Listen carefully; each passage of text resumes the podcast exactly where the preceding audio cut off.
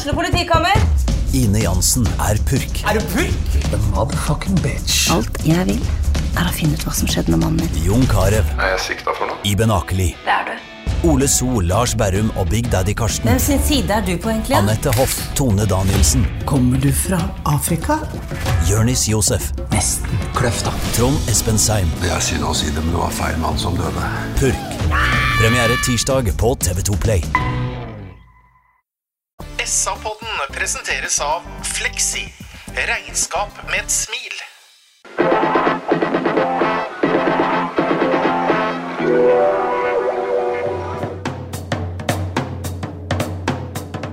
Sarpsborg Arbeiderblad gir deg en ny episode av SA-podden med Sven René Nygård, Øystein Weber, Petter Kalnes og Bjørn Inge Bingen Nilsen. Da var første serierunde i Eliteserien 2023 ferdig spilt. Og her i SAs podkaststudio sitter en uh, molefonkel Bjørn Inge Binge Nilsen. Nei, jeg er ikke det. Nei. Det var, uh, det var vel sånn som eh, det måtte bli, det. Det var styrkeforskjell. Det var styrkeforskjell. Svein René Nygaard har uh, gjort unna dagens første jobb, nemlig vært intervjuer på stadion. Ja, og så jogga jeg opp, da. Så jeg er litt sånn eh, varm i panna. Ja. jeg ikke le du, Bingen. Jeg jogga. Det er imponerende. Ja, bra. Og her sitter Øystein Weberg som har vondt i ryggen, så du har ikke sprunget noe selv? Jeg har ikke sprunget en meter, jeg har litt sånn vondt i ryggen, som du sier. Ja. Den første seriekampen Jeg heter forresten Petter Kalnes og har heller ikke sprunget mange meter i dag. Men eh, jeg har sett en fotballkamp som eh, Bodø-Glimt har vunnet 2-0 på Sarpsborg stadion. Foran nesten 7000 eh, tilskuere, som vi skal komme tilbake senere. Men vi starter med det som avgjør hele Geinebingen. Det er de første, vi kan si det første kvarteret. Der eh, Sarpsborg 08 faktisk går ut og har ball mye og spiller bra fotball. Men blir lurt i en felle som resulterer i to baklengsmål. Ja, vi eh, skal jo på en måte ikke ta hensyn til eh, hva motstanderen heter, og da får vi to imot i løpet av 13 minutter, og vi kommer oss veldig, veldig, veldig fort ned på jorda. og vi vi blir jo avslørt voldsomt på, på tempo, annet, og jeg stiller meg et spørsmålstegn veldig i forhold til eh, at ingen går, går ut uh, fra benken og korrigerer Reinhardsen, som uh, aldri går ut på, på vinga si. Han får lov til å motta ballen, og når Bodø-Glimt fører gjennom midtbanen og venter på at de skal sette opp en to mot én, så trenger han faktisk ikke å sette opp to mot én, for han kan bare slå ut på vinga, så kan han begynne å utfordre uten å ha et press på seg i hele tatt, for Reinhardsen går inn og så leier han eh, de to andre stopperne uten egentlig å ha en mann å forholde seg til, og så er det for sent når de kommer seks-sju stykken gjennom midtbanen og gjennom 16-meteren vår og skaper voldsom kalabalik. Så det, det, skuffer meg veldig. Vi har øh, ikke noe godt backspill øh, på spesielt høyre side i, i, første omgang, og vi blir avslørt voldsomt på målet. Vi, bruke, vi kan bruke litt tid på det faktum at det kommer to baklengsmål, begge to på da Sarpsborg 8s høyre side. Men Sven, eh, hvis vi tar utgangspunktet i høyrebekken i, til Sarpsborg, så når Sarpsborg har ballen, så flytter jo Reinhardsen opp som en indreløper. I dag tok hun til og med noen bakromsløp. Altså Voldsom offensiv innstilling og offensivt utgangspunkt når Sarpsborg har ballen. Men da er det langt hjem når de mister den. Ja da, og det er klart at dere skal ikke kappe huet av noen, jeg nå. eh, Men ikke bare at han har lang vei hjem, men det er jo en kjensgjerning, det. altså Vi vet jo det, at verken Reinhardsen eller Soltvedt har eh, stor fart heller. Så de, de, hvis du må ut til en løpsduell og er høyt i banen, da Så det var en par ganger i dag hvor du så at det er eh, Heter han for noe med, med, med VU? Nei.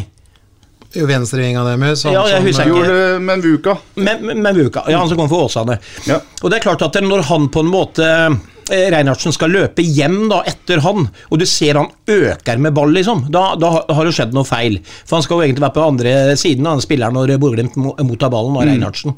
Så ja, han fikk dårlig hjelp i dag. Enig med Bingen, har masse gode poenger. Han, jeg syns han går altfor langt inn til stopperne og holder dem i hånda, for de er ikke nødvendig i en del av de situasjonene som jeg leste i dag. Så kan han utvike og de døtte den ut eventuelt og si 'kom deg ut på bekken tidligere'. Sånn så han eh, slipper å gjøre akkurat det som Bingen sa, så han tar med seg ballen. Så går det faktisk så mange meter før Einarsen kommer ut i press at da har han rekt å komme seg innafor 16. Og da vet vi når de kjappe bena til Bodø-Glimt-spillerne er innafor 16, så må du med kløkt eh, treffe den ballen, ellers så er det straffespark også. Alt blir vanskelig da. Så det var eh, defensivt dårlig løst i første omgangen. Ideelt sett, Bingen, så skal du ha, du skal ha stopperne dine foran mål. Så du vil jo helst ikke at stopperen skal dras ut og være en annenforsvarer på bekken når han er ute på sida. Eh, er det mulig å si noen spørsmålstegn ved høyre kantspiller eh, eh, Ba? Hvor han gir han også Reinertsen litt, litt hjelp? Han var jo faktisk en av få offensive, offensive alibier når han mottar ballen. Jeg synes at Hvis man skal klage på han for at ikke han er defensivt nok orientert, eller han gjør, legger ned nok defensiv jobb, så får du aldri ut det offensive. Det har vi snakka om før, og dere er ikke enige med meg, men jeg syns vi kan heller applaudere han for at han, ut, han utfordrer jo landslagsbekken eh, vår Bjørkan. Bjørkan, Bjørkan eh, gang etter gang, og han har noe doble rykk der sånn som eh, dem ikke er i nærheten av å følge med på. Så jeg vil heller hylle Hannes i stedet for å lete etter feil i, han, i hans defensive spill. Så hyller jeg hans offensive spill når han er på banen. En annen detalj, Sven, som uh, skal få snakke du også, Øystein. Weber må være ja, med, han. ja, men han er så vondt, han har vondt i ryggen. uh, bare sånn, ta én ting, Sven. Uh, det uh, junior var ekstremt på i fjor, det var jo å være backup for, eller en annen forsvarer på, for, til og med på bekkene. Når bekkene var oppe og, og sprang, så var han dekka han på kantene. Og det ser vi jo f.eks. vår venn Casemiro i United gjør hele tiden.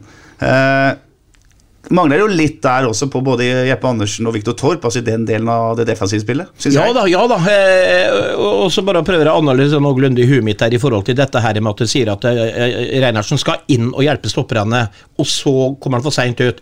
Jeg mener at Reinhardsen har kommet mye tidligere uansett, for de to stopperne er der. Soltvedt på motsatt side har kommet inn.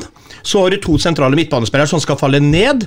Og da skal du ikke burde være så jækla redd for at Reinertsen kan gå ut tidligere og gjøre arbeidsklimaet vanskelig for han Membuka, eller hva han heter for noe. Det er min mening om det. Så her kan det være en taktisk feil av spiller. Som ikke er fotballklok i de situasjonene, syns jeg. Eh, kommunikasjonen fra rutinerte Utvik, som kanskje da ser i det klimaet at det kom deg ut fortere, eller et trenerapparat som eh, Binge var inne på, å justere litt. Ja, for er- vi har jo altså, Vi snakka ofte om at du overlater bekken litt til deg sjøl. Altså for at du skal ha folka foran mål, så stopper stopperne foran mål. Men her, er jo, her kommer jo bekken ut altfor sent.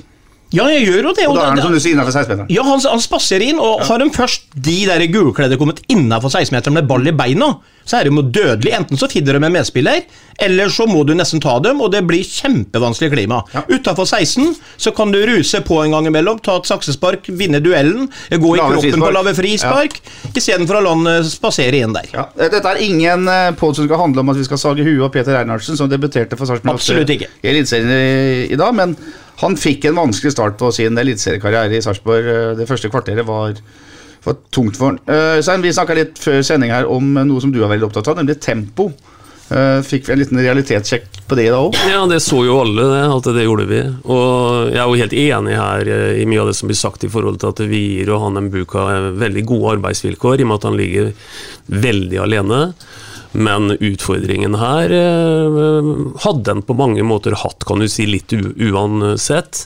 For eh, når du har en kant som er raskere enn enn bekken, så vil bekken få problemer eh, ti av ti ganger i utgangspunktet.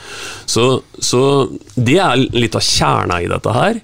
At eh, Hvis jeg skal peke på én faktor som på en måte er forskjellen på Bodø-Glimt og Sarpsborg anno i dag, så er det tempo. Jeg har lyst til å ta opp en ting til med dere som jeg synes er veldig interessant. Uh, Bodø-Glimt kommer med et spill som er uh, innarbeida, og det er helt klart at deres identitet er soleklar. Altså Spiller 4-3-3, sånn, sånn, sånn. sånn. Stefan Bilborn gjør akkurat det samme. Han spiller 4-2-3-1. Plukker spillere ut av det han mener er best offensivt. Og sier også til deg, Sven, at det er ikke noe vits å å prøve å legge seg bakpå. Uh, Du skal heller gi dem trøbbel. Det er liksom røftlig det han sier. Bingen, eh, det å så møte Bodø-Glimt Et Bodø-Glimt som i tillegg har spilt i Europa i vinter og er liksom litt lenger framme i sesongen det Sarpsborg 8 er, uten å på en måte ta noen hensyn. Eh, hva, hva, hva tenker du om det i utgangspunktet? Jeg syns jo det er veldig rart. At ikke vi skal eh, ta noen hensyn, og at vi skal gå ut og på en måte kjøre våre spill mot eh, et veldig godt uh, Bodø-Glimt-lag, som mest sannsynligvis har et konkurransefortrinn i og med at man har spilt eh, på et høyt nivå på denne siden av nyttår i tillegg til. Eh, så syns jeg, jeg, jeg synes det er rart, men Billborn mener noe helt annet, så får, det være opp til han. Og så får han svare på de kritiske spørsmåla når han blir stilt dem, men jeg syns det er veldig rart. Han eh, går jo så langt Sven, at han sier til deg eh, på SATV etter sending at eh, hvis dere vil ha det Noen noe an- annerledes, så får dere finne en annen trener. Egentlig det han sier helt på slutten der. Ja, Ja, ja, Når du stiller spørsmål til hvor, altså, det faktum at de er ultraoffensive i, i tilnærminga til kampen her i dag. Ja, han kontrer jo egentlig på meg og spør hva er Bodø-Glimt best på. Og da sier jeg det er det offensive spillet, og det er det han vil at jeg skal svare. For det, da vil han igjen si, ikke sant, at dere, eh, ja, men har vi ballen, så får de ikke gjort noe offensivt. Og det er logikk i det, altså. Skal være helt enig med Billborn der.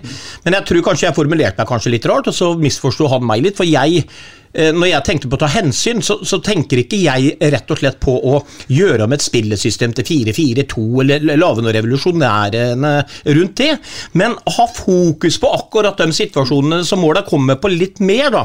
For vi vet at Bodø-Glimt kommer rundt på kanter, vi vet at de har stor bevegelse, og der må vi gå være på treningsbanen, tenker jeg, og øve på de situasjonene, sånn at Reinhardsen kanskje kommer tidligere ut, man flytter mer over, den faller ned osv. Det var mitt fokus på det ja, spørsmålet. Du kan senke kanten, du kan, du kan ha større fokus på å spille med, med, med større marginer på, i midtbaneleddet når du vet hvor farlig det er å miste ballen der. Ja. Det sier han jo selv, Han sier at mange spillere brukte ett touch istedenfor å roe ned og liksom slå de tryggere passinger. da. Men vi som, vi som har sett Bodø-Glimt i Europa og i Norge, vi ser jo det at det er eller, eh, både kontringer og kantspillere er utrolig viktig.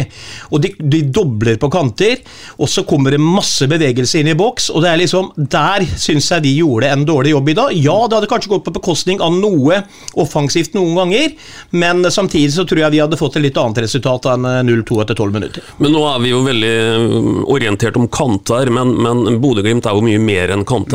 Og, og det er noe av utfordringen her, at uh, de blir uforutsigbare. Se på Grønkjær nummer åtte f.eks., hvordan han styrer deler av, av første omgang. Og, og ikke minst uh, hvor hurtig de omstiller og, og kommer når de kommer. Så, så det er noe med at uh, de har mange strenger å spille på. Altså. Det, det er nok litt av utfordringen her, i forhold til å greie å på en måte isolere. Det er ikke én og to gule farer som kommer her, det er fem-seks. Når det er sagt, da. Eh, Øystein, du har jo fulgt dette samarbeidslaget i, i alle år.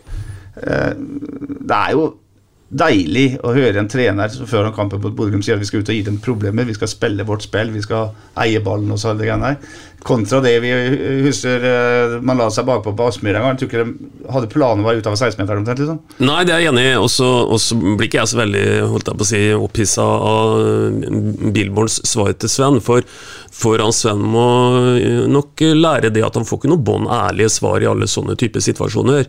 Billborn svarer sikkert veldig sånn øh, han, han, han, han, svarer jo ikke bare Sven, han svarer alle som sitter og ser på dette intervjuet, og det er også spillere her. Han, han har nok en strategi for hvordan han, han, øh, han ønsker å fremstå, og da er nok han redd for å kalle det øh, noe særlig i forhold til det som har vært hans kommunikasjonsstrategi i forhold til dette. Han sier også Bingen, at han kan ikke si én ting til spilleren sin i arbeidsuka, og så kan han si noe annet på søndagen. Altså, han mener at det, det man skal gjøre gjennom hele uka, det skal man også gjøre på søndagen. Eh, følger du den tankegangen? Du sa vel også dette der, det, be- det, bet- nei, nei, han sier jo det, men det betyr jo bare at han har én knapp å trykke på, det, og det er jo den der gassen og våre, våran boll offensivt. Det da, så, så altså, skal det ikke implementeres noe defensiv struktur hvis vi møter et lag som på en måte spiller i Europa og skal være vårt, vårt beste lag i Norge, så, så kommer vi jo til å slite voldsomt når de kommer da,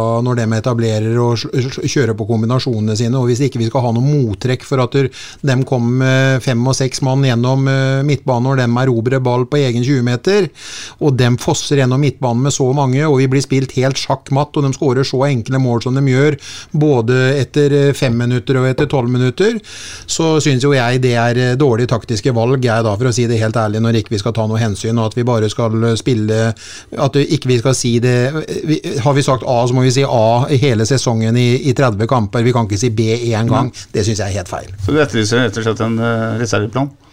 Selvfølgelig gjør jeg det. Absolutt. Det gjør jeg. Tenker, du, om, tenker du om det, så? Nei, jeg skal jo være så ærlig å si at det svaret Billborn gir meg det, vi- vi- Hvis du tenker logikken i det, det er at Bodø-Glimt er Norges beste offensive fotballag. De er bedre enn alle, tror jeg.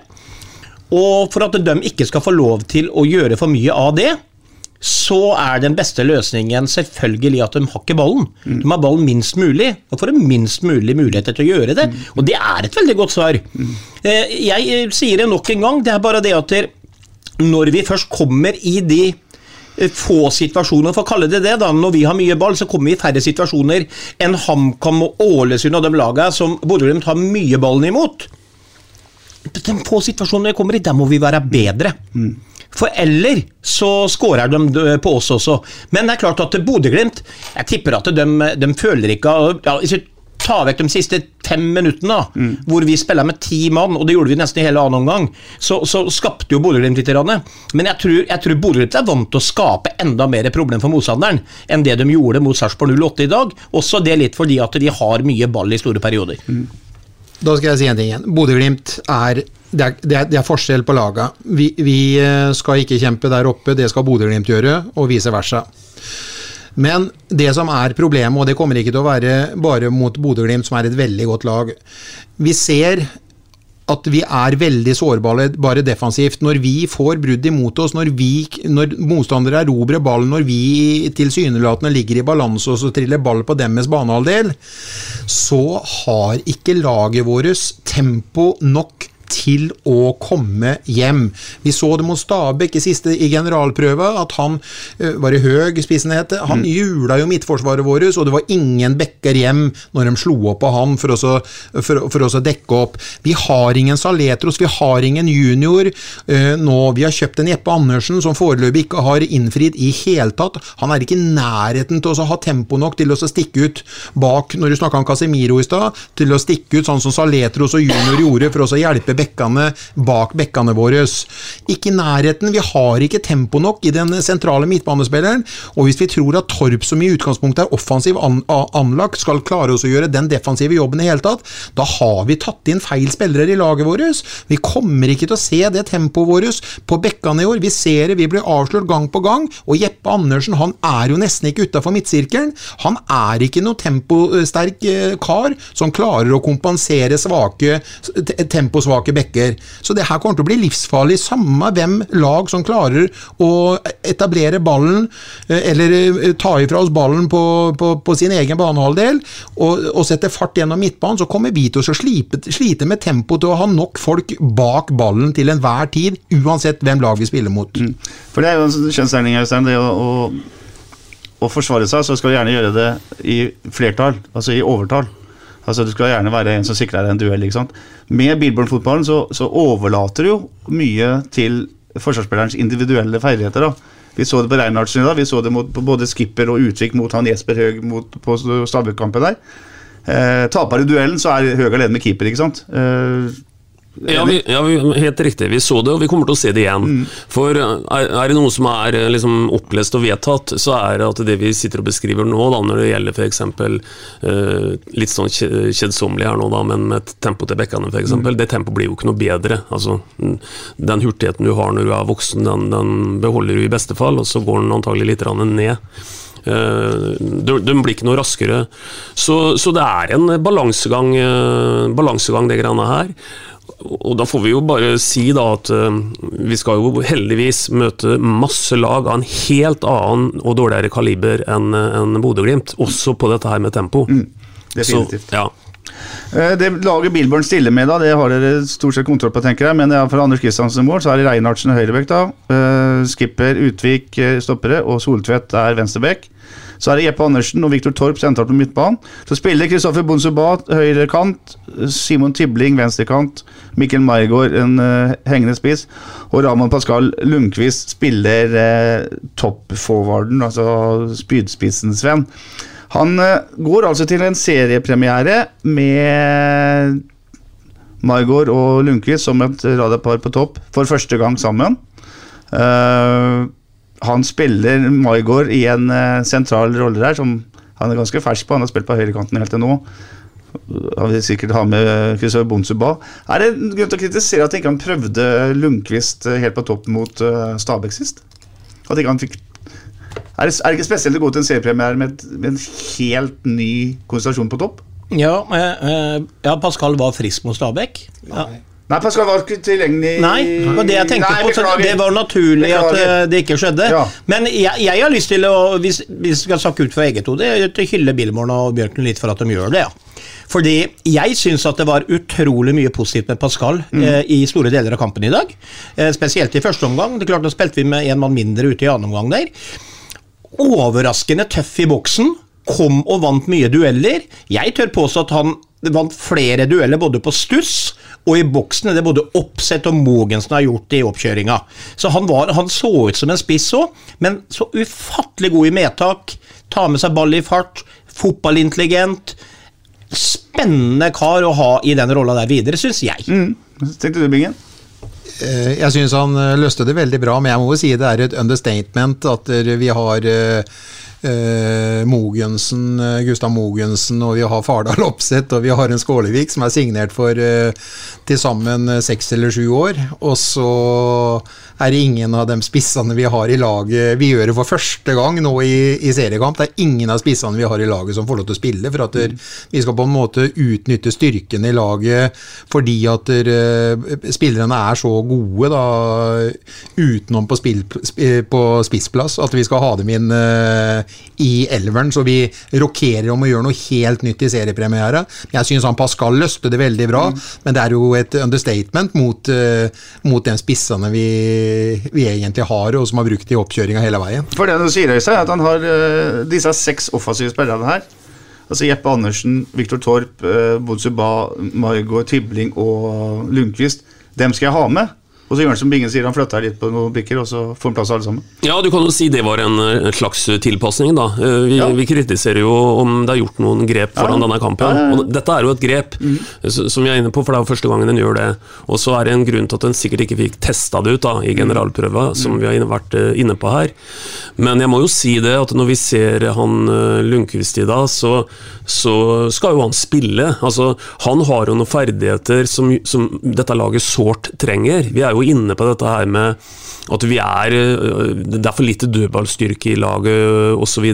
Her er jo Pascal Lundqvist en som kan gi litt juling i, i begge boksene, egentlig. Og, og øh, han- Han løser det veldig bra. Ja, han, ja. han løser det veldig bra. Ja. Han, har, han, har, han gjør seg spillbar, han er villig, han er flink med ball. Han, gjør andre, han ser andre muligheter foran seg i banen. Så, så jeg trodde nesten at han hadde spilt spiss veldig mye når jeg så han, hvordan han agerte. Han gikk Ja. faen til og med bakromsvenn. Ja, men vet vi- du hva? ja, da, han tar mange initiativ i dag. Han ble brukt så lite en del ganger, for jeg så han stelte seg mellom stopperne, f.eks.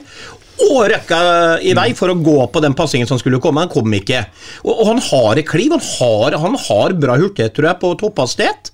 Eh, men det er klart at der, sånn i etterpåklokskapens navn Maigård syns jeg var eh, Han er langt unna der han var, altså. Eh, fått Pascal et hakk ned der og hatt oppsett i boksen i første omgang hvor det kom en del innlegg, f.eks. Eh, jeg tror også det at hvis Pascal detter et hakk tilbake og han er så god på å finne rom. Og når han finner et rom mellom to og tar med seg ballen i samme vending, så kan han se ting foran seg. Så det er også en veldig god løsning. Eh, men da må Maigård ut. Men om han må ut etter sånn som det var i dag, så er jo det greit, det òg. For han bidro jo ikke mye da, i mine øyne. Maigård er en digg fotballspiller, og han kommer til å gjøre mye bra utover. Men eh, det, det er jo en løsning. Hvis vi først skal bruke en av spissene, så må det bli oppsett inn, i mine øyne. Så må Pascal falle ned i den hengende rollen. Da har vi også en god konstellasjon. Men det er jo en deilig tilnærming til det, at du, som jeg sier, du skal ha, at det, her er seks beste spillerne vi har offensivt. Alle skal være mot Bodø-Glimt hjemme. Ja, og, og jeg tror uh, vi så med spenning fram til dette når lagoppstillinga ble sluppet. Mm. Uh, jeg syns at uh, det, det, blir for etterpåklokt fra mitt ståsted å kritisere det veldig mye. Jeg syns det virka fornuftig i utgangspunktet å beholde en Maigard på banen med nettopp å trekke han inn sentralt. Men når det er sagt, da og, og, dette gjelder også Maigård, og da kommer vi til et parameter vi har snakka om tidligere. Det er for lite fart der òg. Og det er klart at det, gjør oss også ytterligere sårbare på, på disse overgangene imot. Men, men, men, vi spiller jo mer eller mindre med det vi har, da, og vi er jo ikke i posisjonen vi nå til å bytte det laget opp i kvalitet i dag, tenker jeg. La meg spissformulere meg litt, da i forhold til det, egentlig, det, det, jeg snakker om når ikke du bruker noen av de lærde spissene. Så har jo podden sagt det de to siste gangene, at vi trodde at det kom til å bli eh, mm. eh. Ja, vi lanserte jo det laget. Vi, vi, har jo gjort det her. her. Mm. Mm. Så vi trodde at det var til det beste for laget, og Billborn mente tydeligvis at det her var det beste for laget, han òg. Men på en måte, som du og jeg snakka om, eh, Sven, før serien var over i år, så signerer vi én på tre år, og så signerer vi av neste på ett år. Og så ja, Verktøy i verktøykassa. Ja, ja, ja, så er det ingen av dem som spiller fra mm. start mm. som, som, som, spisser. Og så har vi en som kommer tilbake fra langtidsskade, som heller ikke spisser. Spiller fra start. Og de har jo egentlig ikke slått lette voldsomt i serieoppkjøringa. Fardal Opseth har vel kanskje skåret flest av de spissene. Ehm, så vi har på en måte satt oss allerede sjakkmatt før jul, vi, i forhold til å få tak i den spissen som egentlig skulle vært en sånn, sånn som Stabæk. Jeg likte veldig han mm. Høg i Stabæk. Mm. Mm. Hvorfor får ikke vi tak i sånne spisser? Eller hvorfor ikke han har blitt prioritert, da. For det som du sier, han kunne vi ikke henta nå i tillegg til alle dem vi har Nei, der. Det, vi satt oss sjakkmatt, satt ja. sjakkmatt før mm. jul, vi, og signere sånn som vi hadde gjort. For da var det på en måte opplest og vedtatt at der, da var det dem som skulle være spisser hos oss, og så kom vi til første seriekamp, så er det ingen av spissene som mm. spiller. Men jeg syns han Pascal løste det veldig bra, og jeg syns eh, det beste laget var på banen. Mm. Bra. Eh, det beste laget er på banen, og, det begynner faktisk med en eh, kjempesjanse for nevnte Pascal etter ett minutt. Han blir avblåst på for offside, men eh, man skaper altså en mulighet med en gang. Sarpsborg tar tak i kampen, men det går ikke mer enn fire minutter, Sven. Eh, Sonde Sørli får eh, Ja, det er altså det starta på Sarpsborgs høyreside, men så er det inn i midten. Så har Jeppe Andersen mulighet til å klarere. Så kommer skipper i ryggen på en feilvendt uh, spiss som han ikke er tør å takle. Og så ender det med at Sørli får skutt. Uh, det er liksom følgefeil her. Det er ingen som tar ordentlig ansvar.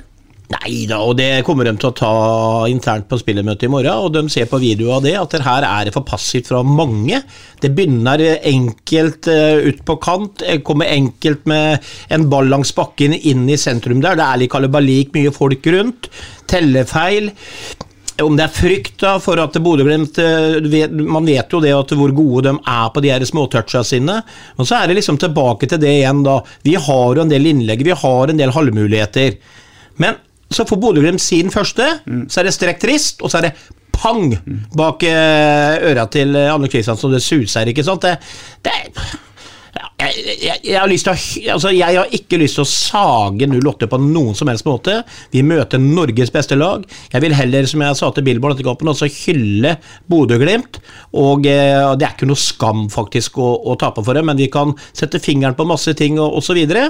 Men uh, i det store og hele så er det mye av de feilene som blir gjort i dag på høyrebekk og andre ting, det er i bunn og grunn at Bodø-Glimt også er grusomt gode motsatt vei. Vi skal bruke litt tid på de første 20 minutter, for det skjer veldig mye. Etter åtte minutter så har Margot to, to sjanser på løpende bånd. Først er det Bonzo Ba som slår innlegg på første stolpe, som han ikke får uh, for Hedda, vel. Og det andre er et eh, også første stolpeinnlegg, som man ikke får, kommer før ballen får satt den, eller før mannen sin får satt den i mål langs bakken. Her er en periode hvor 08 styrer eh, kampen, skaper eh, noen halvmuligheter. Innlegget du har nevnt, Sven, går eh, altfor ofte til den gulkledde. Og så går det tolv minutter, Øystein, og så er eh, den glimrende danske innløperen Albert Grønbekk som eh, får mål på en kontring. Ja da, og det er jo også altfor lett, naturligvis. Der kommer det to eh, på kant og en, en liten enkel overlapp og en bredside i lengste hjørnet der, og det, det, er jo det er naturligvis altfor enkelt. Og så er du jo inne på noe av det kanskje mest sentrale her. Eh, Når vi spiller en kamp som vi produserer i hvert fall sånn relativt uh, lite offensivt, så må vi være mer kyniske og kliniske når vi, vi får uh, muligheten. Så, så vi er ikke i liksom posisjon til å kunne sløse med sjanser, for å si det sånn, uten at de, vi hadde all verden av de da, men, men som du sier, flagget er jo oppe tidlig på den der eh, første skuddet vi setter på utsida, men vi setter nå engang skuddet på utsida, da. Så selv om det ikke hadde blitt godkjent mål, så, så er ikke avslutningen der heller god nok. Så, så vi har mye å hente i begge boksene, vi. Mm. Etter 18 minutter så har Reinhardsen kjempeproblemer igjen. Det blir eh, passert. Beklager, det blir mye Reinhardsen, men det er et faktum. Anders Kristiansen må gjøre en kjemperedning. Skudd fra kort hold, Bingen. Bra gjort av eh, Kristiansen. Og så er det jo sånn, da, at eh, VAR er innført i norsk fotball, eh, og det ser vi jo etter 19 minutter, da hele stadion jubler fordi et veldig fint innlegg fra Simon Tibling ender på bakre stolpe. Det en offensiv Peter Einarsen header i mål. Og så får da vår venn eh, Ola Hobber Nilsen og eh, VAR-rommet i Oslo det for seg at de skal se på nå. Da blir det offside. Ja, det var litt rart. I det, i jeg forsto at han tok seg til øret, så var det liksom Jeg så for meg det mm, overskriftene med kanskje seg mot Bodø-Glimt, og Peter Kalnes sa på hele førstesida eh, historiens første VAR-avgjørelse på Sarpsborg stadion i Sarpsborg 08s favør. Et eller annet sånt noe. Men der eh, datt jo veldig fort ned igjen, da. Og Nei da, det, vi, vi må jo gå ut ifra det at når VAR ser på den, og VAR sier at det her er det noe ulovlig, så er det noe ulovlig. Det er jo derfor vi har VAR ferdig med det. Situasjonen er jo at uh, Tibling slår uh, et innlegg som både Pascal Lundqvist og eh, Mikkel Maigård går opp i en duell med en uh, Bodø-Glimt-stopper. Så er det en touch der, da, ifølge VAR. Og da har Når den touchen går, er eller er, så har da Reinhardsen kommet for langt inn og er i offside. Når Tibling slår ballen, så er Reinhardsen ikke i offside. Men hvis Maigård, som det handler om her er Eller den andre forlenger det Og så er det en ny pasning. Ja. I pausa så får Maigård spørsmål til TV 2. Og da kan jeg spørre dere, tror du han er ærlig når han sier at jeg, jeg vet ikke om jeg var ballen eller ikke, Bingen? Går det an å si det? Ja, Han sa vel det, da. Maigård, ja, han sa det. Jeg tror, tror det stemmer? At dere ikke vet? I så fall så var han veldig lite borti, Ja, ikke sant? ikke vet. Ja. At, eh, om uh, Toucha han meg liksom i kampsetet, fikk jeg en skulder i Så er det kanskje litt vanskelig å Men hvis du treffer ballen ordentlig på hodet, f.eks., så, så vet du det i ettertid. Så. Men eh, jeg har sagt det før, fotball i dag, var eller ikke var, jeg kaller det for juksernes teater, uansett hvem land og hvem lag som spiller. Det er så mye sånne ting i dag, så Han vet nok om han var nær. ja. Men i alle fall så er det sånn at den første VAR-avgjørelsen på Sarpsborg stadion går i Sarpsborg 8s disfavør. Uh, 23 minutter, Torp på et frispark. Treffer godt, men uh, utafor. Og så er det en periode der midt i, i omgangen som uh, jeg skriver på blokka mi at uh, Glimt har gode arbeidsforhold. Da var det svære rom. Altså. Da, da løp Sarpsborg 08 voldsomt mellom eh, uten å få tak i ballen. Det ender vel i 43 43 minutt at Vetlesen dunker den i stanga. Der kunne det jo vært avgjort. Da var vi veldig nære 3-0. Men eh, man går til pause med 2-0 i en spillemessig helt ålreit omgang, vel? Ja, og så er det noe med at eh, de tar en tidlig 2-0-ledelse, da. Så, så her vil det også etter hvert i denne kampen her bli også et spørsmål om uh, hvor uh, mye konsoliderer, konsoliderer Blink, og hvor mye gønner de på uh, 100 Vi kommer jo til annen gang etter hvert, og da kan vi jo snakke om hvor langt Nei, men jeg bare, Vet du hva det betyr, du, Bingen? Hva kalte du konsil... konsolidere. Det visste ikke du heller, Bingen. Nei, Nei, nei. nei, Men- slutt opp! Men sa jeg Du sa blink. ja, Blink, ja. ja. Nei, jeg mener Glimt. Jo, jo, Ja, jo. Etter hvert så senka jo de seg, men de, det blir jo tydeligere for så vidt. eh, da la Gran Bodø ned litt. Liksom. Gran Bodø, ja, ikke sant? Nei, da, så egentlig så, så Du kan godt si sånn to, uh, Sitter jo med en følelse at det skal et lite mirakel til i pausa, da, for å så få med seg noe fra den kampen, tenker i hvert fall jeg. For å poengtere det, altså, når du ligger under 2-0 mot Glimt etter 12 12 minutter, eh, så vet jeg ikke Og da må du skåre tre mål mer enn Glimt. eh, I resten av kampen. Og jeg vet ikke sist når Glimt tapte med tre mål, eller, eller tapte 3-0 mot et norsk lag. Og det er klart at det blir liksom du, du føler deg maktesløs da, når du vet hva du står opp imot i tillegg. Men det Sarpsborg gjør før pausebingen, vi skal bruke to minutter på det, er å slå mye innlegg. Gode innlegg, etter min mening. Eh, også brukbare bevegelser. Men stopperne til Glimt har jo fine arbeidsforhold. Eh, det er ikke noe så mye sånn at du får en albue i eh, nyren og blir tråkka på, liksom. Det er eh, pene, snille gutter i blå drakt. Ja, men dem er jo Glimt er jo veldig robust uh, i det defensive. De er tunge i egen boks, og de er tunge i motstanders boks. Og Jeg kan nesten se, jeg sier til Veberg en gang øh, da Sven gått ned på indre bane for han skal intervjue, så sier jeg til Veberg, fy fadderen, se på det innlegget vi slår der sånn. Og det kan bli farlig offensivt for oss. Vi er desperate, vi, vi tror kanskje vi skal presse for å få et mål helt til slutten. Det er tre Glimt-spillere som kjemper om å få ut den, den ballen. Det er tre gule som er høyest i lufta for å krige for å få ut den, den ballen. Det er ikke én blå en som er i nærheten av, av liv, eller brystkassa deres engang. Jeg har lyst til å stille et spørsmål, Sven. Er det, er det bevegelsen det handler om? Altså forholdet mellom pasningen og bevegelsen? Innlegg og bevegelsen? Eller er det rett og slett rent fysisk styrke? Og du, du, du snakka jo om å knekke nesa for å skåre mål, liksom. Hva, hva, hvor, er, hvor er problemet? Nei, altså, det her er helt sammensatt. Altså, det er timing på alt som er. Altså, det var mye gode innlegg i dag, og det må de i inneboksen lese. Men herregud altså, eh, eh, Det er som vi sier, men jul er jo ikke i det hele tatt. Stup inn i brystkassa på han vel, Får ikke noe gult kort på det, men han får jævla vondt, i hvert fall. Så kvier han seg i neste duell. Vi gir jo for lite juling inn i boksen. Og det er det jeg stilte spørsmål om til andre òg. Han skårer jo ikke målsaker, men hvis alle hadde hatt sulten til Skålevik i en del av de duellene, så hadde vi skåra flere mål, for han ofrer liv og lemmer, og motspillerne gruer seg til den ballen kommer inn til dem, for de vet at nå kommer Skålevik opp mot meg, dette kommer til å gjøre vondt. Ja, du må ofre mer òg. Og det er jo Billborn lag var enig med oss i etterpå, når du stiller spørsmål òg, at jeg savner litt av det greiene der. Ja, selvfølgelig gjør det det. og det som jeg sier altså, du, du, du både skal ha målteft, så må du dukke opp til rett tid. Du, Istedenfor å bli stående stille og hoppe rett opp og nikke, så må du komme i fart. Og hopper du tidligere motstanderen din nå, som gammel forsvarsspillerbingen, så visste jeg at hvis jeg møtte spisser som var mye bedre enn meg på huet i utgangspunktet, men hvis jeg klarte å komme meg bakfra og hoppe opp før han hoppa, så ville jeg kunne bremse hans kropp. Så slo lille Nygaard de nære folka, så gjorde det litt vondt noen ganger. Men vi må, vi må begynne med å bli tøffere i boksen. Vi kan ikke hæle inn alle måla vi skal skåre. Det var jo en voldsom duell i dag med en forsvarsspiller mot en spiss gjennom uh, store deler av første omgang og en del av annen omgang, og det var jo Utvik mot uh, Reinhardsen? nei, Jo, men vi hadde, Det var den voldsomste duellen. Det var to mot hverandre. Jo, men uh, Premie Faris som Ja, spilte ja, i, ja. i KBK i fjor Ja, ja, ja. Maskin, det, altså. Dem to, det, det var jo ordentlig mannfolk mot mannfolk.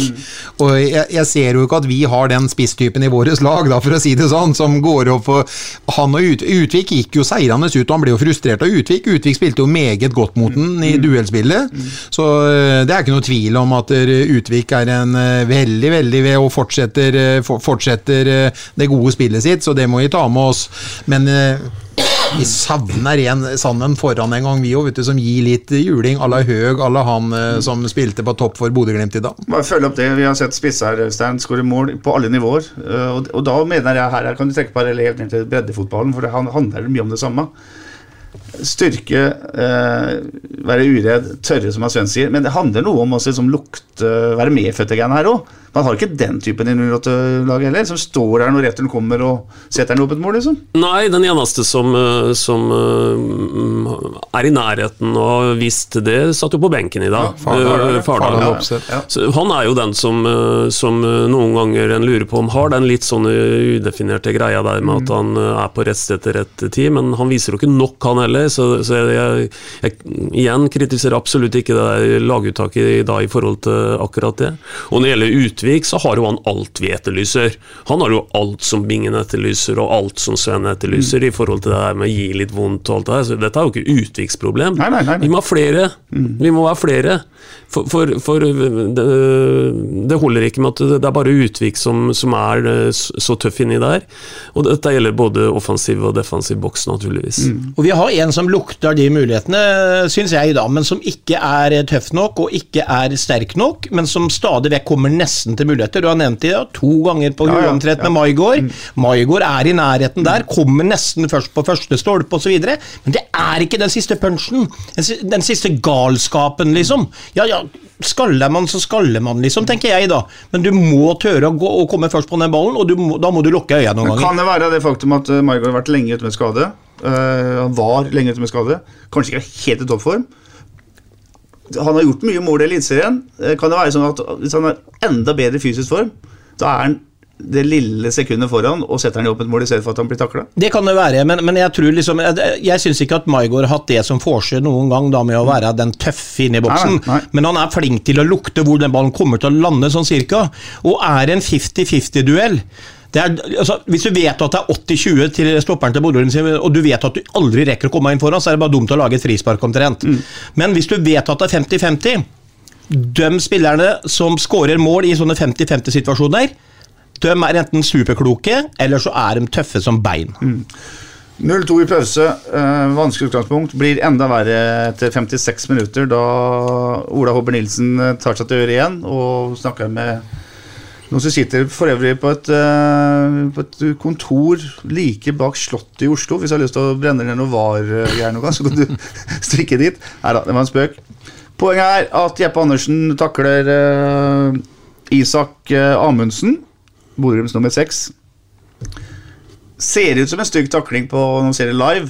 Uh, men jeg ble overraska når røde kortet kom, det må jeg innrømme. Men da ser jeg det etterpå, Øystein, så det er, en, det er ikke pent. Nei, altså, jeg, jeg må jo si at uh, det tar jeg bare rett og slett for gitt at, uh, at det er en riktig avgjørelse Men hva på det, så er det riktig. Ja. og han går bort og så ser på det i slow motion på en skjerm fra 30 cm. Så, så må jo nesten bare forvente at han greier å skille snørr og barter i den situasjonen der. Så det Jeg så ikke altså, vi- fikk jo en ny opplevelse. Nå så vi jo hvordan var vi praktisert, praktisert på en stadion. Vi ser jo ingenting sjøl. Det står jo bare VAR på storskjermen.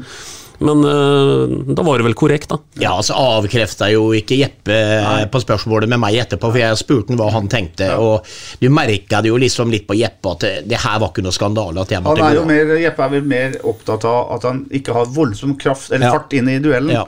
Men uh, han treffer han midt på leggen, uh, Bingen. Eh, et saksespark som ikke er i nærheten av ballen. Eh, og når VAR ser på det, så er vel utgangen av den saken ganske Ja, ja, det bør ikke lure på. Jeg oppfatta det ikke som noe rødt kort når, når duellen eh, var over, og jeg syns det var helt greit med gult, men når VAR går inn og tar den, og det blir rødt kort, så er det jo rødt kort. Det er ikke noe å lure på det. Nei. Og da er VAR inne og, beskytter spilleren, og det er jo et argument for å ha VAR. eh. Ja da, og VAR har jo kommet for å bli og alt det greiene der, så, så det må vi bare leve med. Men, men det som eh, også er litt urovekkende her eh, Nå er jo ikke, som vi hører, Binge noe voldsom fan av Jeppe Andersen, men, men nå blir det noe kort her òg som gjør at, at det trekker jo ytterligere ned. Vi var jo i en tidligere pod allerede inne på at uh, hadde du fått karantene for antall gule kort i treningskamper, så hadde han vel pådratt seg en karantene allerede. Og nå er det direkte rødt og selvsagt karantene igjen. Så, så det, er, det er klart på minussida, for det er klart at på det tidspunktet der, da er det set og game og match, da. Uh, For da, da kan vi ikke snu dette her med ti mot elleve. Nei, og hvis vi snakker om, eh, som Sven og vi i podden her har messa om så mange ganger, om at vi syns vi skal spille, spisse stallen vår litt mer med kvalitet istedenfor å ha så mange som vi har i stallen, og det blir, eh, det blir eh, aldri hørt, da. Og det kommer sikkert aldri til å bli hørt heller, så lenge vi vi sitter her, eller de har de samme typene i klubben som skal eh, gjøre den jobben, så, så er det jo nå en gang sånn at vi har sagt at vi er veldig avhengig av å ha en eh, 15, i hvert fall en vi, vi tror veldig at det kommer til å rullere på 15-16 spillere i år, som eh, det portugisiske støtteapparatet må holde på banen.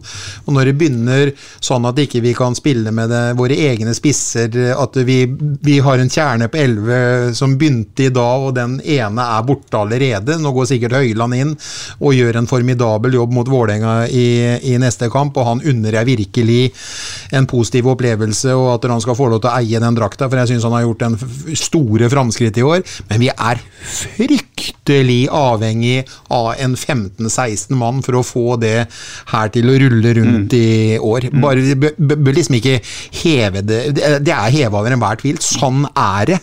Junior satt på benken i dag, det er jo et, eh, en gladnyhet. Man har jo sagt at han skal være tilgjengelig fra serierunde nummer to, så vi får se da om det blir Høyland eller eh, om han kaster junior inn i det på, en tillit til søndagen. eh. Ja, og så får vi jo se, som du sier. Du stiller jo spørsmål om eh, kan en eh, grunn til at en Maigård er bare på 95 kanskje skyldes at eh, han har vært Mm. lenge skada. Da, da, da ble jeg jo veldig positivt overraska hvis det kommer inn en junior. Eh, jeg blir ikke, uh, blir ikke kjempeoverraska hvis han, han eh, snart skal spille, men hvis han spiller på det nivået Mm. Han gjorde mye av fjorårssesongen sånn umiddelbart.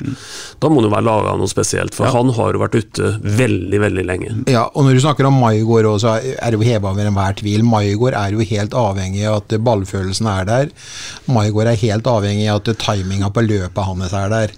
Og hvis at han ikke Hvis at han har slitt litt med skader og ikke har kommet i den formen, så ser vi et bevis på det nå. For at han sliter både med ballfølelsen og den rette valga og timingen enkelte ganger. Så Maigård har mer å gå på. Vi kan forvente oss mer av Maigård utover i sesongen, men for at sanne spillere skal eh, komme i form, så er de helt avhengig av å spille.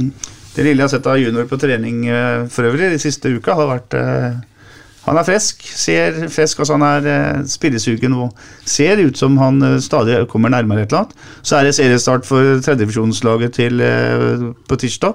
Så får vi jo se da om han er på banen da. Bør ikke risikere noe Han trenger ikke noe, mener du? Nei. Nei.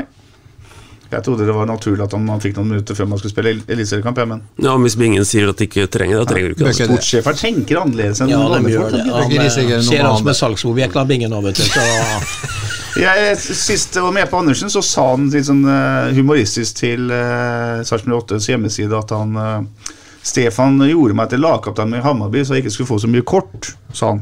For da mener han vel at du må oppføre seg bedre når du er lagkaptein. da. Men får han kort fordi han er eh, tøff, eller for han er hakket for seig, Sven? ja, Godt spørsmål. Det, det, kan, det kan være for at han har ikke noe ekstrem beinflytting. Eh, Han bør jo være så rutinert at han kjenner jo sin begrensning i forhold til sitt eget tempo, sånn at du på en måte er føre var å plassere deg litt mer riktig da enn mange andre trenger å gjøre, rett og slett pga. det. Eh, ikke sett nok av han tidligere til å vite om han var en eh, ordentlig tøffing når han var i Hammarby, eller om, eh, om det er sånn som han er i dag. Men eh, jeg skal være enig i det at jeg har jo ikke sett noe sånn derre hodeløse nærkamper hvor han legger all kraft i dueller og sånn. Det blir mer sånn tulleting. Eh, den i dag var kanskje også litt uhell. Jeg husker jeg så den Casemiro-utvisninga til United, hvor han treffer på toppen av ballen og beinet går videre inn i leggen på han bak der. Det var jo så mye fra at, den hadde, bare ballen hadde gått framover. Så Nei, det kombinasjon sikkert, at beina går litt sakte.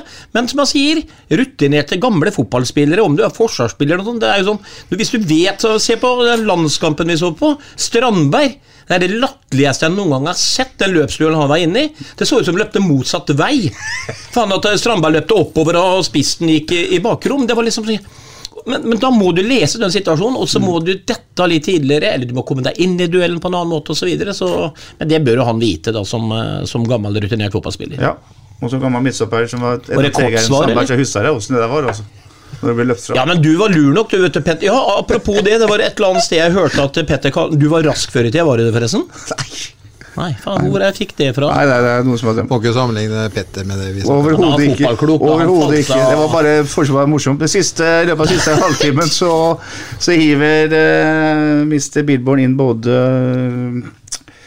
Lie Li Skålevik og Høyland for Tibling og Ba. Han hiver inn på begge tar ut begge backhandene sine. Soltvedt og Reinhardsen setter inn på Sander Kristiansen og eh, Eirik Vikne. Og så får eh, Fardal Opseth ti minutter for eh, Pascal eh, Lundqvist uten at eh, det hjelper veldig mye, Øystein, men det er jo en respektabel siste halvtime, eller eh, pluss tillegg, da, etter utvisninga. Det er ikke noe helkrise. Nei da, dette blir jo aldri stygt resultatmessig, i hvert fall, og det syns jeg er et poeng i seg sjøl. Jeg tenkte på slutten her, når eh, det kunne ligne på at de kunne få en tredje, syns det er stor forskjell jeg på å og så berge, berge, det på det nivået det var på, kontra at det hadde sprukket opp og blitt både fire og fem. Så, Helt enig, Weber. Ja, så det syns jeg at de skal ha. Og så viser det jo viser jo uh, Vikne, da, når han uh, kommer inn, at uh, han er jo en bekk som har noe av den farta vi, vi, etterlyser. Så han er nok ikke langt unna en startoppstilling i, på høyrebekken, vår venn Eirik Vikne. Det er mitt tips. Men, men Bodø-Glimt er solide, vet du når de da utover i kampen begynner med byttene sine, f.eks., så, så, så, så, så de sier i utgangspunktet at den kommer skadeskutte til, eh, til Sarpsborg. Mm. Men allikevel så har de råd til å ha en, en eh, Pellegrino f.eks. og en Runar Espejord på benken. De kommer inn i annen omgang. Altså, det er ikke noe hvem som helst de, de, de setter inn eller offensivt. Mm. Så de er, de, er, de er, supersterke. De er, de er godt skodd for 30 seriekamper, og de kommer garantert til å være der oppe. Og at vi kommer unna med det som du sier, Weber, med at vi kommer unna med at vi på en måte ror i land med ti mann på banen Uh, og at vi kommer ut med, med, med småpene 2-0 mot Bodø-Glimt i en seriepremiere når det ble som det ble, og det sto 2-0 etter 12 minutter, så kan vi vel ikke si noe annet enn at det var eh, At det, var, eh, at det blir godkjent pluss til slutt. Sånn tenker jeg, altså. Ja, jeg er helt enig. Også, vi har vært inne på å snakke mye om situasjoner, enkeltspillere, og Maigård som er litt ute av form, og Reinar som sliter med ditt, og han sliter med datt, og han får rødt der, og han er for treig der. Ja. Det er masse ting. Og så glemmer vi liksom oppi det hele at det var ikke HamKam-guttene som gjorde han og han dårlig, det er Bodø-Glimt vi spiller mot i dag. Og de holder så fryktelig høyt nivå på de, alle enkeltspillerne at det er én mot én mot dem, så kan du se ut som en tulling. Én mot én mot en HamKam-spiller, så kan du vinne duellen. ikke sant? Så, så enkelt er det bare. Ja. Og Når du da tillegg har en motstander som er mer robust enn deg i begge boksene, det er jo faktisk et litt undervurdert uh, tema rundt Bodø-Glimt, syns jeg faktisk. Snakker om 4-3-3 og alt det greiene, men han spissen der og de to sopperne, det er jo som ja, du, du sa, har Lode og sånn, det, er jo, det er jo rene tankser. Gode duellspillere i tillegg ja, til alt annet. Og så liksom utover i kampen så sier hun bare det at nei, gjør vi et par bytter. Hvem setter vi? Nei, vi kan ta inn en som heter Pellegrino på venstrekant og sånn. Altså, de bytter jo inn fotballspillere, selv om de har skader, som går inn på alle lag i hele Norge. Det er klart at de, de er i førersetet de luxe, og vi er så langt langt bak dem per i dag. Men vi får håpe vi nærmer oss Bodø-Glimt med åra. Anders trenger kamper uh, i mål, uh, kommer styrka ut av det, syns jeg. Har fine redninger, uh, gode aksjoner i, i, i, flere tilfeller i kampen. kommer til å være en styrke for oss å ha han skadefri gjennom hele sesongen. Vi kan bygge og finne mye positivt. Utvik, skuldra sitter på plass etter en tøff batalje med, med spissen til mm. Bodø-Glimt. Vi har eh, mye positivt vi skal ta med. Bonzo Ba, som virkelig Nå er det vel bare en sånn indre krets av kanskje en tusen mennesker som har sett han i aksjon, men eh, når det kommer eh, nærmere 7000 og ser han hvordan han, han røkker, både dobbeltrøkker og kjører ballyhatt med både én og to mann ute på sida der, så han lykkes ikke hver gang, men herregud, han skal spille mot helt andre bekker framover enn det han gjorde mot den norske landslagsbekken i dag. Altså. Så vi har mye å se fram imot sånn offensivt, vi, men eh, jeg kommer aldri, aldri til å innrømme noe annet enn at jeg må si at så lenge vi eh, ikke har en junior i banen ennå som kan være det der defensive alibi i forhold til tempo, så har vi forsømt oss i forhold til hva vi har gitt ifra oss eh, på, på, på midten i form av Saleter og så skaden til, til junior. Har ikke akkurat gitt fra oss noe, antageligvis, da, men de har jo forsvunnet. Det er jo, det er jo sant. Men, men, eh, tilbake til Bonsu Ba. Ja, Hvis du ikke skjønte det, så føler jeg at det er en mismatch på det vi har fått inn i forhold ja, ja, hva som har gått ut. Ja, mm. ja, ja. Men, men Ba, det som er litt spesielt med han i dag, det syns jeg er at eh, grunnen til at han ikke er like god offensiv, blant annet. Ja, ja, nummer én, han spiller mot landslagsback. Eh, men når du ser forskjellen på de kamp, siste kampene hvor det har kommet masse løp av 08-spillere, for hun begynner å forstå at det løper er ut til han, så kommer ballen til meg. Hadde noen spede forsøk der, men det var ikke alle de kvalitetsløpene sånn, for vi klarte ikke å, å, å, få fram dem. Vi var ikke like tunge der oppe. Og dermed så tar du litt av brodden til Bonsubao, for alle står og venter på at han skal drible og, og gå inn i banen. Ja, han gjør det lett som søren mot uh, Åsmund Bjørka noen ganger òg, men det er ikke der han i mine øyne er best. Det er det han leverer etter han har gått inn. Og der hadde vi jo nesten ikke folk i dag. Maigård en gang, og så var det Pascal en gang. Stakk Pascal der, som Ja. litt. Ja. Det var helt nydelig. Ja. Men når de løpa kommer igjen, og vi møter de lagene som ikke heter Bodø-Glimt, så kommer han til å bidra noe ekstremt. For det er bare egentlig å ta det initiativet på diagonalløp øh, og true dem Ja. i bakgrunnen, så får du ballen av Bonsuba. For han ser han. Vi må ikke være et oppspillspunkt hver eneste gang når han kommer. Vi må kunne ta dem initiativet. Som timingen jeg snakker om i forhold til uh, Maigård, det kommer. Og så syns jeg Pascal var veldig positiv i forhold til hva han foretok seg. Men vi spiller mot gode stoppere, vi spiller mot gode forsvarere, vi spiller mot eh, gode defensive midtbanespillere, og vi spiller egentlig mot veldig gode spillere over hele fjøla på Bodø-Glimt i dag. Så vi har jo hørt, vi har liksom hørt litt sånn at vi har vært litt misfornøyde. her, Vi er jo altså Det er en akseptabel kamp, hvis det går an å si det når man taper 0-2. Ja, altså det er, det er eh, Prestasjon, mener du? Ja, det er en akseptabel prestasjon, og, og jeg bare gjentar at uh, ingen lag, kanskje med unntak av den beste utgaven av Molde, er, er, er, er altså det, det, det er langt opp dit, men de aller fleste vi skal møte, er ikke på det nivået.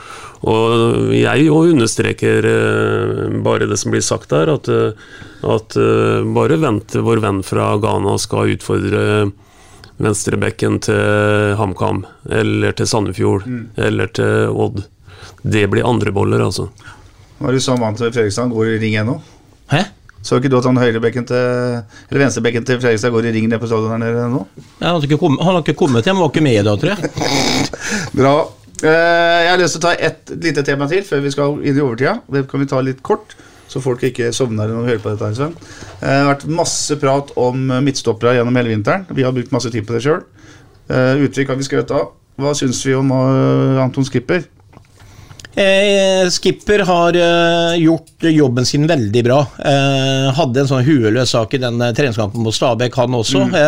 ellers så har det vært Men det, som er Skipper er liksom litt sånn, blir litt sånn alibi han får Utvik, føler jeg. fordi du legger jo ikke merke til Skipper noe særlig da, hvis du tenker etter. Han var jo ikke mye i situasjoner, men altså, han kom godt ut av det. Utvik er jo den som stuper opp og går i bestandig den der duellen med den ene spissen motstanderen har, og da må da må skipper være den som faller av hvis de atter eh, Utvik skulle tape eller komme noe løp bak ryggen. Så. Men nei da, han har eh, vi, vi, skal i hvert fall ikke, vi skal ikke klage på det defensive, bortsett fra at de klapte lett på vår høyre side i dag. De andre guttene gjør jobben bra. eller ja, Vi spiller med Bodø, vi har sagt det igjen. Så skipper, hvis han fortsetter i den banen han har hatt nå, og spiller så enkelt som han gjør, og ikke prøver på hueløse ting og sånn, og så har han brukbar fart, så kan han demme opp eh, ganske greit utover. Hva sier du om spørsmålet til Jonas Grothar-bingen? Han spør om det er eh, mangelen på en eh, hagelskjær som gjorde at eh, Sarpsborg fikk trøbbel i dag. Hagelskjær eh, var en meget god spiller, men jeg følte ikke at savnet hans var så stort i dag. Jeg synes Utvik og Skipper spiller veldig godt i spann. Bra. Enig, Øystein? Ja, og Hagelskjær har vel åpna serien med null poeng i dag, har de ikke det? Borte mot øh, Eller åssen endte den kampen der? Tromsø vant- Tromsø vant 1-0. Og øh, jeg tror vi kan si det, at uh, riktignok uh, Riktignok var Hagelskjær ubeseira her i byen, men det hadde han ikke vært etter den kampen i dag. For i dag hadde ikke en Hagelskjær, tenker jeg, vært forskjellen. Jeg har ikke fått gjort så veldig mye ut på den høyre bekken i dag, for å si det sånn. Altså, det er jo der vi rant igjennom. Det kunne vært at han kunne flytta laget litt over og sånn med, med kommunikasjon, men eh, det var jo ikke det var jo ikke der vi tapte kampen, det var heller for at det ble arbeidsbetingelser som ble altfor enkle på vår eh, høyre side. Bra. Eliteseriens første runde ender eh, som følger. Rosenborg Viking 1-0. Ålesund Vålerenga 0-1. HamKam eh, Sandefjord 2-0. Måles 0-0. Tromsø Molde, en liten bombe der, 1-0. Og så leder Brann i Snakkende stund 3-0 over Haugesund i Bergen. Og så ble Lillestrøm mot eh, Strømsgodset, som vi vet, utsatt fordi eh, ti godsespillere har blitt smitta av korona. Og for å gjøre det siste spørsmålet enda mer hypotetisk, så var faktisk ikke Hagelskjær i Molde-troppen i dag i det hele tatt.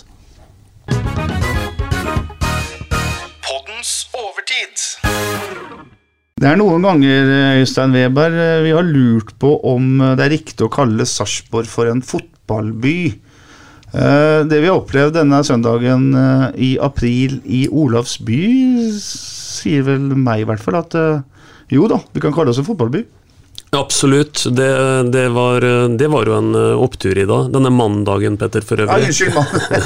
mandag er det da. Så nei, det, nesten så det toucha 7000 mennesker. Eh, Det er, eh, det er sterke papir, som det heter. I dag så spilte Sarpsborg sin 166. hjemmekamp i eliteseriehistoria.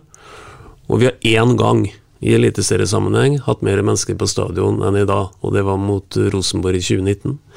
Så det var, eh, det var fryktelig moro. Det var eh, kø alle veier. Jeg var tidlig ute i dag, og noen ringte meg opp og sa glem å parkere på sirkustomta, det er ikke én ledig plass igjen der, osv.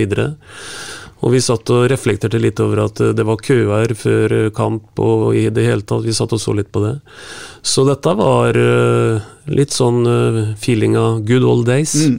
Jeg vet at du gikk gjennom byen på vei til stadion, Sven. Jeg kjørte meg en tur oppom sentrum på vei ned, jeg òg. Det er deilig å se torvet fullt av folk. Riktignok noen gulkledde fra Bodø, men masse unger, mye aktivitet i uh, hele tatt. Ja da, fantastisk. Og det var eh, Jeg så på utestedene nedover gata der, ikke sant. Det var fullt av mennesker i blått og hvitt som tok seg matbit, og noen tok faktisk en pils òg, tror jeg. Og det var liksom Det, det, det, er sånne, det er sånne ting du vil ha. Og så tenker jeg litt på næringslivet her i byen. Tenk deg litt i hotell eller eh, hotell i byen her. Alle de gulkledde som kanskje har ligget der en natt. Kjøpt seg noe øl og noe mat og ditt og datt, og det genererer så ekstremt mye. Og så har jeg faktisk litt lyst til eh, Jeg vet ikke om Bingen har fått det med seg, men Bingen har jo kommet på Facebook nå, så han har sikkert sett det. Men eh, sånn som Alexander Klausen og sånn nå, må jeg bare si de, de har fighta litt og stått på litt, og det kommer stadig vekk oppdateringer her, og skal vi slå rekorder der, og så God markedsføring sånn uh, ut ifra hva man kan få til på Facebook, da. Så de, de har også vært veldig flinke, men uh, ingen tvil om at Sarpsborg er en fotballby, eller idrettsby, uh, de luxe, uten tvil. Og så skal vi huske på en ting til, at eh, det er ikke så veldig mange stadioner som fyller med noe flere folk. Og så skal vi, for å i hvert fall rette oss ordentlig opp i ryggen, så må vi jo ta utgangspunkt i hvor mange mennesker bor vi her. Og, og den prosentandelen av sarpinger som kommer seg på kamp i dag, den er jo fryktelig stor. Det snakkes i i Trondheim om at det kommer 14 000-15 000 mennesker. Det er jo et større tall, men de er jo langt mer enn dobbelt så store. I Bergen omtrent det samme, men de er jo langt mer enn dobbelt så store. Så, så målt i forhold til antall innbyggere, så er det ikke noe tvil at det svaret på spørsmålet ditt, Petter Kalnes, det er ja på at Sarpsborg er en fotballby. Ja, vi var best i Norge da, eh, sånn som jeg har lest nå, i forhold til akkurat det Øystein sier. Altså, det er publikumsinteressen i Sarpsborg kontra andre lag, og i forhold til beboere her i, i byen, så er vi nummer én i Norge da for interesse til fotballkampen. Og det må være en god bekreftelse for dem i klubben, eh, alt fra Hans Petter Arnesen og ned til for eksempel du nevner Alexander Klaus som har gjort en kjempejobb her, eh, Sven Bingen. Det at uh, sarpingene stiller opp når det er eh, fest på stadion. Ja, Ikke noe tvil om det. Men så får vi se liksom mm. nå da neste hjemmekamp. Den er mot eh, Odd. Vi skal ha Vålerenga borte først, og så skal vi ha Odd hjemme. Så får vi se nå da hvor, eh, hvor lenge vi klarer å holde på den eh, gode, gode følelsen med så mye mennesker på stadion. Altså liksom ikke la oss ramle ned og dippe på, på fire og et halvt etter nesten sju i første kampen. Det er eh, det Men alt har med resultater å gjøre. Eh, Får vi et godt resultat, dvs. Si minimum uavgjort eller eh, kanskje en seier mot Vålerenga til, eh, til, til helga, så vil alt se mye positivere ut igjen i forhold til hjemmekampen mot, eh, mot Odd på stadion. Og da er vi inne i det som er en kjempehumor i denne podkasten, nemlig å ja, Jeg holdt på å si spå, ja, men det er, helt- det er mer tipping når dere skal fortelle meg hvordan det går til uh, søndag på Intility. Sven, jeg ser på deg først. Vålerenga vant 1-0 i Ålesund. Sarpsborg tapte 2-0 i Sarpsborg. Og så er det kamp i Oslo til søndag. Der eh, jeg, jeg fikk en veldig rar følelse i sånne intervjuet Billborn, og jeg sa til ham at dem, dem kan vi spille ut, og det tror jeg seriøst. Eh, de er ikke i nærheten av å flytte bein, de er ikke i nærheten av organiseringa som Bodø-Glimt har.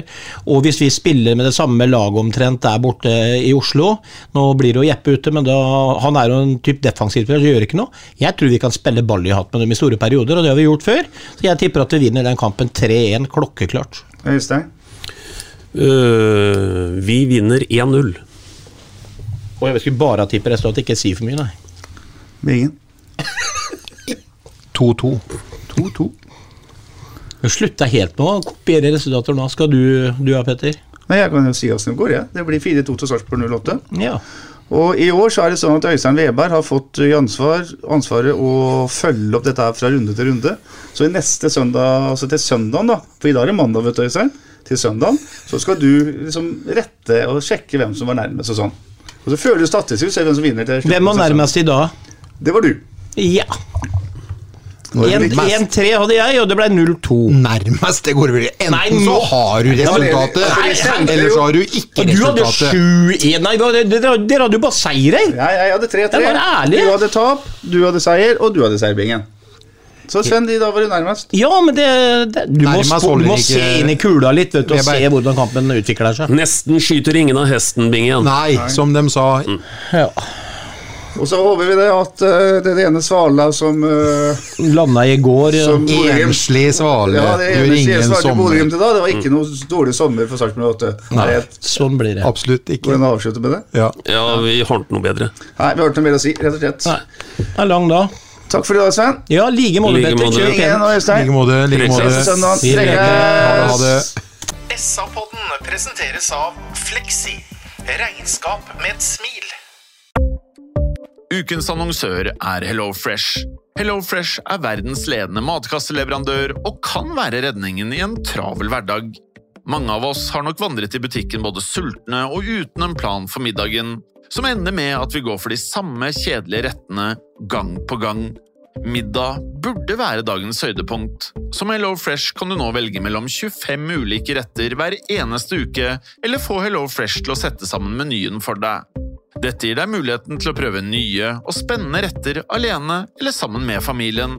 Du velger antall porsjoner og får alt levert på døren på et tidspunkt som passer for deg. Oppskriftene er enkle, og maten er lett å lage både for store og for små. Ved å få alt levert hjem får du også mer tid til å dele matgleden med familie og venner. Kanskje det frister med asiatiske tacos eller greskinspirert kylling? Da kan jeg anbefale deg om å gå inn på hellofresh.no. Her kan du bruke koden FOTBALL og få opptil 1779 kroner i rabatt på de første fem matkastene hvis du ikke har prøvd HelloFresh tidligere. Du kan også bruke rabatten hvis du har vært kunde og stoppet abonnementet ditt for tolv måneder siden eller lengre. Gå inn på hellofresh.no og bruk koden FOTBALL. Har du et enkeltpersonforetak eller en liten bedrift? Da er du sikkert lei av å høre meg snakke om hvor enkelt det er med kvitteringer og bilag i fiken, så vi eh, gir oss her, vi.